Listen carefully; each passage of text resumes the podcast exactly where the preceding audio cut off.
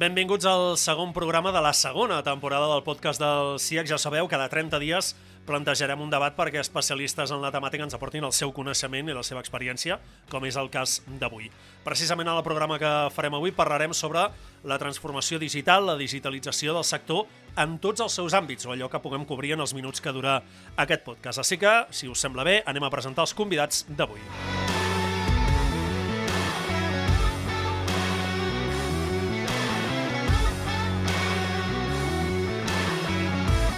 Saludem a la primera persona que intervindrà, una de les persones convidades en el podcast d'avui, Pau Guarro, CEO de Bitwin Technologies. Benvingut, què tal, com estàs? Hola, bona tarda. Doncs molt bé, un plaer d'estar aquí amb tots vosaltres. Gràcies. I, i nosaltres encantats que hagis acceptat la, la invitació. La segona persona que també participarà en el podcast d'avui és l'Alba Escolar, que és la gerent de la Fundació Imancorp. Benvinguda, què tal, com estàs? Moltes gràcies, Ramon, Ramon, i moltes gràcies també per convidar-nos avui a poder compartir una mica de, de la nostra tasca. Compartir coneixements, que és l'objectiu de, del podcast. I un uh, episodi més, saludem el, no sé si ja si nomenar-lo copresentador, el Josep Nadal, que és el gerent del clúster de la indústria d'automoció de Catalunya. Benvingut, què tal, com estàs? Bon dia, Ramon, Pau, bona plaer estar avui aquí amb vosaltres. Doncs va, som-hi, que és un podcast que volem que sigui curtet. Tenim aquests 25-30 minuts per plantejar o debatre sobre una temàtica que posem damunt de la taula, ho hem dit al principi, aquesta transformació digital, aquesta digitalització. Eh, veureu habitualment que les preguntes més genèriques les acostumo a fer jo, i aquí quan intervé el Josep Nadal és quan es nota que porta molt de temps treballant en, en aquest sector. Us llenço la primera pregunta simplement per, per obrir el, el debat. Pot començar l'Alba o, o el Pau, qui vulgui dels dos. Quan parlem de transformació digital, de digitalització, a, a què ens referim quan això ho apliquem al sector de, de l'automoció? Ens referim a, a processos? Ens referim a perfils de, de plantilla? A què ens referim quan parlem de digitalització o transformació digital? Qui vol disparar primer? Pau, Alba? Vinga, l'Alba mateix. Eh, vinga, Ramon. Eh, nosaltres quan parlem de digitalització del sector de l'automoció, que en definitiva és de digitalització de tot el sector industrial, sí que és cert que l'automatització en, en aquest sector potser és més aguditzada, ens referim tant per una banda eh, en el camp més tecnològic, l'evolució tecnològica que s'està produint dins, dins d'aquest univers de l'automoció, com també eh, pel que fa a nivell estructural. Ens hem donat compte que eh, aquest devenir que vindrà és justament la tecnologia i l'estructura el que està fent canviar, en certa manera, les competències que, que es demanden als professionals d'aquest sector, que bueno, veurem més endavant. No sé si el Pau hi està d'acord eh, sí. amb, el que, amb el. Sí, clarament. Uh, jo d'alguna manera m'agrada definir la, la, la transformació digital no és com un, és com un paraigües on d'alguna manera doncs, podem ubicar doncs, un seguit de, de tecnologies que, o, o solucions no? que, ja, que ja existeixen al mercat. No? Aquí doncs, podem parlar de cloud computing, d'intel·ligència artificial, de big data, no? eh, entre d'altres. No? I, efectivament, en la línia que comentava el Raimon, no? si d'alguna manera ho volem circunscriure més a la part de, de, de les fàbriques, no? pues aquí ja apareix un altre terme així també molt, molt característic, no? que és el de, el de la indústria 4.0. No? Eh, per tant, eh, insisteixo en aquest concepte de que al final és un, un paraigües on, on aglutinem doncs, moltes d'aquestes tecnologies ja existents i el que es tracta és d'utilitzar-les per millorar aquests processos, incrementar la productivitat i, en definitiva, fer que, que les nostres empreses siguin, siguin més competitives. No? Deixeu-me preguntar-vos, eh, Pau, vosaltres, amb el vostre dia a dia, quin seria el, eh, la batalla central que teniu en aquesta transformació digital? És a dir, què és amb el que em piqueu més pedra a dia d'avui? Doncs et diré que, que és força, força divers, perquè com a, com a consultora tecnològica i enginyeria que som, d'alguna manera cobrim tant la part de, de, de, de més d'indústria 4.0, on des de temes de fabricació additiva, eh, simulació de processos, eh, um, o IoT, no? Eh, doncs la veritat és que mm, realitzem forces projectes i tenim, diguem-ne, molt de talent en, en aquest tipus d'àmbits, no? A si passem a, a la part més IT, més de, més de tecnologia, d'informàtica, diguem-ne, doncs aquí sí que a dia d'avui no, tot el que és eh, eh, la part de, de, de cloud, no, la part de núvol, eh, o la part de, de poder aplicar doncs, eh, project, en projectes al machine learning, doncs eh, està molt, molt al dia. No? Per tant, en veritat, el, el que és, el, insisteixo, la, la transformació digital també pot passar, en definitiva, per una empresa, una PIME, doncs, poder-se fer una web o un, o un e-commerce que li ajudi doncs, a la, a seu, al seu procés de vendes. No? Per tant, cobrim una mica tots els, tots els àmbits. I tu, tu diferenciaries, ara pensant una miqueta amb, la, amb les empreses, tu has mencionat les pimes, tu diferenciaries, entenc, eh? eh no sé si estaràs d'acord, el, els reptes que poden tenir una, una empresa mitjana una empresa gran, no? Aquestes, eh, aquestes falses grans empreses, no? Aquestes mitca, o que és la PIME, realment els reptes que des d'un de vista intern, eh? vull dir, eh, tu diferenciaries realment aquesta línia de reptes que té eh, o stoppers que poden identificar? O creus, creus que són en el fons similars? Uh, a veure, clar, un, al final representa que el que pot diferenciar és més en, en quin estat de maduresa uh, es troba l'empresa en quant a aquesta suposada digitalització o transformació digital. No? És, uh, millor si agafem a l'extrem d'una PIME que, que d'alguna manera pues, té tots els processos molt manuals, etc. Pues aquí el que es tracta és de començar la, la, la casa pels fonaments no? I, i, i fer la, la base doncs, de que tinguin unes eines adequades, tinguin uns canals adequats, abans de passar a coses més avançades, no? com, com pugui ser doncs, doncs aplicar l'anàlisi la, de la intel·ligència de dades, no? el, el business intelligence o el big data, o això no ja seria o sigui, no, no començaríem la casa per la taulada, sinó que yeah. llavors, suposadament, una PIME pot ser que estigui en una, en una fase més inicial, no? I, Alba, deixa'm preguntar-te, des del punt de vista més de, més de competències, vosaltres em noteu una diferència? Això mateix que preguntàvem al Pau, no? És a dir, a l'approach que feu vosaltres, o que pot ser una, una midcap, no? o una empresa gran, el que podrien ser unes pimes, realment, a nivell de personal, eh? anant així, una miqueta al dia a dia de la gent amb la que treballeu, quines diferències veieu i com les enfoqueu, sobretot? Com les ateneu? Nosaltres, Josep, bueno, ja sabeu que una de les divisions importants que té el grup empresarial és justament no, eh, tota la gestió del factor humà. Hi ha una divisió especialitzada en, en automoció i sí que et puc dir que, clar, que en, en, aquest, en aquesta indústria, no? on cada vegada els, productes, els, els cotxes que es fabriquen són més sofisticats, s'inclouen més elements tecnològics, perquè també ho demanda el propi eh, consumidor, que és un sector que impacta molt en el, en el camp medioambiental no? i que s'estan canviant doncs, eh, tots els tipus de materials que s'estan utilitzant. Es necessiten nous coneixements. No? Pues el que ens estem trobant quan en el moment de buscar aquest talent per incorporar en, en la indústria és que eh, els coneixements i les competències són molt més complexos que abans. I eh, cada cop els perfils que es busquen són més perfils d'enginyeria, perquè inclús els que fan d'operaris dins, de, dins de les plantes de producció ja no és l'operari com antigament que col·locava un, un tornillo al, al cotxe, sinó que tenen que aprendre i tenen que saber fer anar com van aquestes màquines perquè han estat substituïts, acertadament, no? eh, per poder produir. Llavors, quan es busquen perfils, s'aposta també molt per la formació contínua d'aquests perfils no? i perquè la gent es mantingui eh, pues, actualitzada. I sí que és cert que, que, que cada cop la gent és més conscient d'això, però encara falta fer una tasca no? important en aquest sentit. I nosaltres, dins de l'Observatori de Competències Digitals que tenim amb la Universitat Autònoma de, de Barcelona, que bueno, sí. aquest any està participant també la CIAC, en un informe de l'any passat previ, eh, es va posar de manifest que un 25% de la població del nostre país no té competències digitals bàsiques. Un 25% de la població eh, que està en actiu. És un percentatge altíssim. I aquestes persones, moltes d'elles dedicades a l'automoció, s'han de reciclar, han d'aprendre els nous procediments, perquè si volem continuar creixent com a sector i com a país ens tenim que adaptar a les noves realitats que, que estan venint. I això bueno, és un dels reptes que, que tenim a l'hora de cercar personal. Com ho veus tu, Pau? Doncs mira, molt, molt en línia amb el que explica l'Alba, no? jo crec que al final parlem molt de, de tecnologia, no? parlem molt d'eines, no? o fins i tot de processos, però, però el que és més important de tot és, és les persones, no?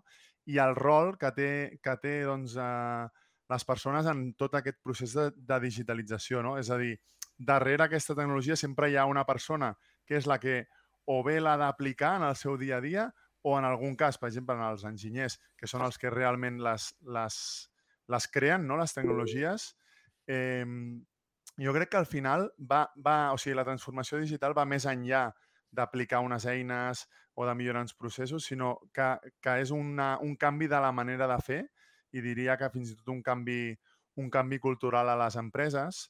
I això, d'alguna manera, enllaça amb el que explicava l'Alba de les competències digitals. És a dir, eh, és molt important, o bé ja, eh, de, parlant de talent, no? doncs captar talent que ja vingui format, o si més no, eh, per tenir aquest reciclatge continu, en les empreses doncs, tenir aquesta formació contínua on anem actualitzant amb aquestes competències digitals bàsiques en diferents posicions. No? Aquí, alguns exemples de continguts típics on, on, on hem d'estar contínuament formant-nos en els nostres equips. No? Pues, tot el que és, per exemple, metodologies agile, tot el que és eh, tema de, de processos lean, eh, programació, tot el que és la, la part d'analítica de, de dades, ciberseguretat, bueno, la llista, diguem-ne, seria, seria infinita i, i, i s'ha d'adaptar, doncs, per sí. suposat, a cada camp, però, però va per aquí, no?, una mica la cosa. El que estàu dient...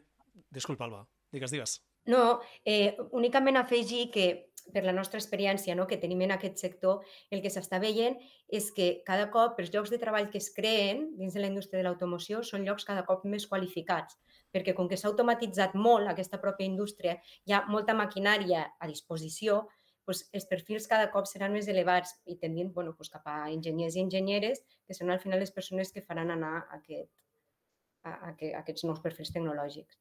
Ara que hem encetat aquesta carpeta de, de perfils, eh, us ho pregunto. Eh, quins són els perfils que de moment esteu detectant i, i de cara eh, en els propers anys, quins creieu que seran els perfils que s'aniran demandant més o, o dels perfils que potser necessitarà més la, la indústria? Això per un cantó. I després per aquestes competències digitals, arran del que comentava l'Alba, que hi havia, no recordo el tant per cent, però que hi havia un tant per cent molt elevat de la població que no tenia, eh, no tenia competències digitals. Um, com creieu que es pot fer aquesta transformació parlant del sector? És a dir, captar talent jove, com estàveu comentant ara, eh, que les persones que formen part ara de la indústria facin aquest reciclatge, si ho puc dir així, eh, i agafin aquestes competències digitals? Us llenço aquestes dues preguntes. Una mica perfils de futur que aneu veient o perfils que cada vegada veieu que estan més demandats i que potser van més amb aquesta part tecnològica i després com fer aquest reciclatge o, o aquesta incorporació d'aquestes competències agafant-lo de fora, introduint-lo o aprofitant el, el personal que hi ha i reciclant-lo? Qui vulgui. Mm. Alba, si vols tirar tu o... tu mateix, Alba, si vols. No, bé, bé, sí, perfecte. Eh, sí que és una necessitat, aquesta que, que comenta el Raimon, i és difícil no? de, de definir quins seran els perfils del futur, perquè, clar, cap on anirà la tecnologia tampoc ho tenim del tot encara eh, clar. Però sí que és cert que dins de l'observatori que, que tenim amb la Universitat Autònoma i que aquest any eh, ha parametritzat diferents sectors, un d'ells és, és l'automoció i el CIA que està participant ens està eh, bueno, donant suport no? en definir eh, tot el tema de l'estudi, és que realment volem saber quines són les competències que està demandant el sector i que demandarà el sector, quines són les competències que ara tenen els treballadors que estan actius o els estudiants que estan en els seus cicles formatius o en les universitats per entrar a formar part eh, d'aquest univers de l'automoció i veure si existeix un gap real no? d'entre la formació que tenen, la formació que es demandarà i com amb un coneixement realment objectiu podem ajudar doncs, a les diferents administracions, a les universitats, a les persones que formen part de les indústries, a veure com podem impulsar la formació d'aquests eh, professionals. Em sembla rellevant, no? perquè disposant d'aquestes dades objectives podrem ajudar el sector a, a créixer. I crec que bueno, quan tinguem els resultats de l'informe bueno, veurem coses sorprenents i que, i que ens sorprendran. Podrem parlar amb més propietat, no? Sí. sí, sí. Uh, estic d'acord. Jo afegiria que una mica de, del, del que notem en el mercat, no? Almenys a la part de, de Bitwin, no? de nou, dintre de la part de, d'IT, la part més, més, més informàtica, clarament eh, ja no a futur, sinó totalment a present. No? Tot el que és el programadors, eh? els, els developers, amb, amb, el, amb diguem-ne, amb el seguit de llenguatges que, que hi hagi. No? Tot el que és els, els enginyers de dades, i et diria que, que perfils més de ciberseguretat són, mm, a dia d'avui, mm, perfils molt demandats, a sobre, doncs, tal com està el mercat, també on, on les condicions van, van pujant, eh, condicions salarials en aquest cas. No? La part més enginyeril, també jo crec que és que n'hi ha, ha molts casos, no? però, però bueno, si per dir un parell doncs, hi hauria el que és enginyers més, més especialitzats en, en, en IoT, amb tot el que és sensòrica, això és molt, està molt demandat, no? o el que comentava molt al principi, tema de, de fabricació additiva. No? I llavors, en quant a com, quina és la millor recepta...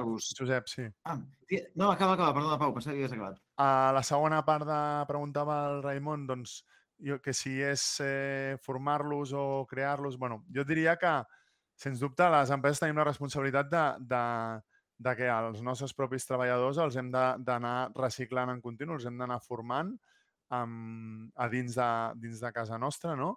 i després doncs, bueno, anar al mercat a ja buscar també idealment gent formada. I aquesta gent formada passa per lo que diu l'Alba, no? de, de detectar quins són els gaps, treballar amb les universitats, han aparegut tots els que són ja fa anys els bootcamps, no? on, on, on reciclen literalment a perfils que no venien del sector i els, i els formen molt, molt específicament amb, amb unes disciplines en concret. Llavors, bueno, hi ha diferents vies, no? En aquest sentit, anava a preguntar-vos, eh, Pau, i després també eh, la meva opinió, eh, de quina manera les empreses esteu a de dir tinc un nou repte dintre de l'empresa, vaig, a, vaig a reciclar, vaig a fer aquest, aquest upskilling, no? depèn del cas, o en quin cas aneu a buscar fora aquest nou perfil, és a dir, com, on tireu aquesta línia? A vegades no tens més remei que, que, que anar fora, diguem-ne, perquè els tempos de, de, de, de, de, de fer el reskilling del, del teu equip no, doncs no, no, no, no t'ho permeten, no? Però, sens dubte, eh, són, les dos, són les dues vies. Eh, jo crec que les empreses, eh, més enllà d'ara que parlem de transformació digital i, i això, però, però hem d'apostar pel nostre talent i hem d'aconseguir doncs, eh, formar-lo. I així la prioritat sempre és tirar mà personal intern i és quan no podeu, per tempos, per falta de personal, llavors eh, eh, acudiu a l'extern? És a dir, la vostra prioritat és personal intern? Home, home, la prioritat sí, jo crec que sí, que és la, la gent que tens a la casa i després, pues, si no el pots cobrir o tal, vas a fora, no? No sé l'Alba si, si li quadra això. Com, com ho estàs vivint vosaltres, que veieu potser un ventall una miqueta sentit? Bueno, jo sí que estic eh, d'acord amb, el, amb el Pau que, si, que el talent que hi ha intern dins de les empreses s'hauria de potenciar, perquè al final, eh, si hi ha gent que porta anys dins de, de la mateixa empresa, gent que està compromesa no? amb la missió, amb, els, amb la visió de, de l'empresa, i ajudar-lo també a créixer dins de la seva organització, que la sent com seva, és important. Sí que és cert que hi ha vegades que hi ha figures que no es poden... Eh, no, no hi ha persones internes que són capaces potser de desempenyar-ho de la manera tan excel·lent com ho faria una persona externa. Llavors sí que convé anar a buscar aquest talent eh, extern. Però per això és important que les empreses, crec, tinguin plans de formació interns o comptin amb agents externs, no? com bueno, nosaltres tenim també un, una línia no? de, de formació eh, que, que els acompanyi no? en tot aquest procés. Precisament, eh, és a dir, estem dient ja eh, anem a buscar el talent fora que estigui format o anem a buscar perfils de fora i els incorporem a l'empresa, tot i que la prioritat pel que esteu comentant tant Alba com, com Pau és evidentment cuidar de la gent interna i diguem-ne fer aquesta, aquest reciclatge de, de la gent de dins hi ha estructura fora? És a dir, el sector directament, eh, el territori té estructura suficient, té prou actors com per fer aquest reciclatge? ho dic perquè, evidentment, la formació l'ha de donar algú i la formació s'ha de fer en algun lloc. Hi ha estructura suficient, hi ha gent preparada suficient, és a dir, tenim capacitat per eh, fer aquesta transformació d'aquell personal que ho necessita? A veure, eh, potser l'Alba té dades més, diguem-ne, fiables, no? Però, però en tot cas, el que queda clar és que si parlem més de casa nostra, àmbit català i, i en concret doncs, doncs a Barcelona, sí que ens trobem amb el fet doncs, de que, i si parlem més de la part de tecnologia, no? doncs és un pol d'atracció d'empreses, de, de, però per què venen les empreses aquí? Venen perquè hi ha talent i perquè a la vegada eh, el pol d'atracció també és pel talent, perquè ho sabem, el, el, la qualitat de vida no, de, de, de Barcelona i de Catalunya. No? Aleshores, sí que d'alguna manera eh, ens trobem amb que cal seguir doncs, fabricant, doncs, eh, creant nou, nous enginyers, nous programadors, perquè la demanda està, està molt, molt elevada, que això a la vegada doncs, fa una miqueta aquest fenomen d'escassetat. De, no? Aleshores, estàs, estàs convivint amb aquesta, amb aquesta situació d'alguna de, manera que hi ha com aquesta situació d'escassetat, de, no? No sé si et quadra tu, Alba. Sí, sí, estic totalment d'acord, sí, sí. A més, eh, tots aquests perfils professionals, tant de l'àmbit tecnològic i digital, estan tan demandats al final que el difícil és convèncer amb una d'aquestes persones que vulgui venir a treballar amb tu, perquè té 50 milions d'opcions també obertes eh, que on, pot, on pot anar a treballar. Per això és tan valiós, no? que quan tenim persones valioses les sabem retenir i les, i les sabem impulsar i, i, i formar dins nostre. Per tant, el sector també hauria de tenir aquesta part atractiva, és a dir, esteu dient que hi pot haver perfils professionals que, com dius tu, pot, tant poden anar al sector automoció com a altres sectors, industrials o no, eh, perquè el perfil és demandat i simplement poso simplement molt entre cometes, ja sé que estem en un podcast i no es nota, però eh, molt entre cometes, eh, una adaptació en aquell, en aquell sector. Per tant, per dir-ho així, el, el sector també hauria de ser atractiu per atraure aquests perfils. Totalment. Sí, de, de fet, d'alguna manera podríem dir que, que, el, que qui té la paella pel mànec a, a dia d'avui és el talent, no és, no és a l'empresa, eh? és el talent qui, qui tria a on ha d'anar, on qui, qui decideix canviar, i qui té diverses opcions per, per dir. Llavors, som les empreses que hem de, de fer-nos atractives amb la proposta de valor eh, per, per, per un, captar el, aquest talent i que, que vingui a nosaltres versus la nostra competència, que, que ja no és la competència, ja no és l'empresa que fa el mateix que tu. No, no, és, la, és una empresa qualsevol d'altres sectors que està buscant aquest talent, perquè la competència és pel, pel talent, no? I aleshores fer-nos atractives per captar i després tenir polítiques, tenir, tenir sistemes en marxa per, per mm, fidelitzar. Eh? No, no, no hem d'utilitzar la paraula retenir, retindre, perquè, perquè sembla que sigui una presó i, i, i justament és... Però, però sí que fidelitzar o enamorar eh, el talent i que prefereixi quedar-se amb tu i no, i no anar a un altre lloc, no? En relació amb això del, del talent que, que deia el Pau, que un altre repte que té la indústria de l'automoció en relació al talent digital o el talent tecnològic és també eh, ser capaç d'atraure el talent femení, perquè és una indústria que tradicionalment ha sigut molt masculina. Totalment d'acord i hi ha noies enginyeres o que tenen graus superiors que poden aportar molt amb aquest sector i que potser no veuen un sector suficientment atractiu per, per treballar-hi i prefereixen des, destinar pues, els, els seus coneixements a altres branques. No? I crec que poder incorporar talent femení eh, pues seria fantàstic també. Importantíssim. Amb això, Raimon, fer un podcast específic per parlar d'aquest tema, clarament. Home, claríssim. Jo, jo crec que abans no acabi la temporada en farem un segur. Eh, us, us aviso... Us, no, Josep, respecte al talent femení, sols dir-vos que re, fa escassament una setmana a, a Between vam guanyar un premi de, de l'STEM Women Congress d'enguany, conforme a, a iniciatives que tenim en marxa respecte a això, perquè tal com diu l'Alba, és, que és, és que és importantíssim. Ens estem deixant eh, mitja part de la població, mig, mig, per tant, el, mitja part del talent disponible pel fet de que mm, històricament o, o per com s'ha fet sempre, etc, doncs no, no són posicions atractives per, per les dones. I això passa, això passa efectivament eh, per, per a les escoles, i, i a les universitats doncs, que més noies eh, escollin les carreres d'enginyeria i s'estan fent moltes coses eh, en aquesta línia, vull dir que jo crec que acabarà, acabaran havent-hi fruits. Josep, tanques tu? Sí, per una última pregunta així que us llenço amb aquesta línia també similar d'integrar. Moltes vegades pensem en la transformació digital, no talent, no? estàvem comentant ara, i pensem en, en nois, noies eh, de 20 i pocs eh, o 20 i molts, 30 pocs. Expliqueu-nos, si us plau, una miqueta, eh, o corregiu-me, si us plau, eh, doneu-nos el contraexemple. Com és la transformació digital i aquests, aquest nou talent però més sènior. És a dir, com el visualitzeu a les vostres companyies, com realment, perquè jo, jo tinc casos molt concrets a eh, dintre així, però m'agradaria eh, poder-los donar visibilitat. Com ho viu els Pau, a la vostra companyia en particular, i Alba, si després ens pots ampliar una mica.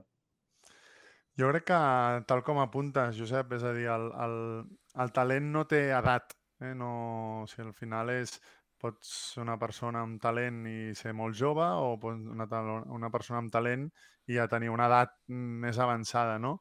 I, i per tant, des d'aquest punt de vista és que no, no, no anem a diferenciar de cap manera. És a dir, la, per exemple, eh, les formacions que fem no, no, no posem rang d'edat ni coses d'aquestes, no? I, i, I també, per, jo crec que bones notícies, també tenim casos de, de persones que han, ja doncs, de 40 llargs, no? diguem-ne, que, que han agafat i, i estaven fent un, un tipus de tasques i, i han tingut la iniciativa de, de, de formar-se amb, amb altres coses i, i ara doncs, millor estan programant que abans no ho estaven fent no? I, i, i supercontents i, i aportant molt. No? No, jo crec que no té edat directament. Molt jo bé, també Alba. estic d'acord. Estic d'acord amb el que diu el Pau, que més que amb l'edat va amb com és cadascú, cada persona, no? Perquè, bueno, a la nostra empresa eh, conviuen des de natius digitals fins a persones, perfils més sèniors, fins a boomers, fins a generacions X, Z, eh, i al final, més que cadascú ha tingut una formació diferent, cadascú té unes competències diferents també a nivell digital, però al final, com que som un equip, s'ha de no?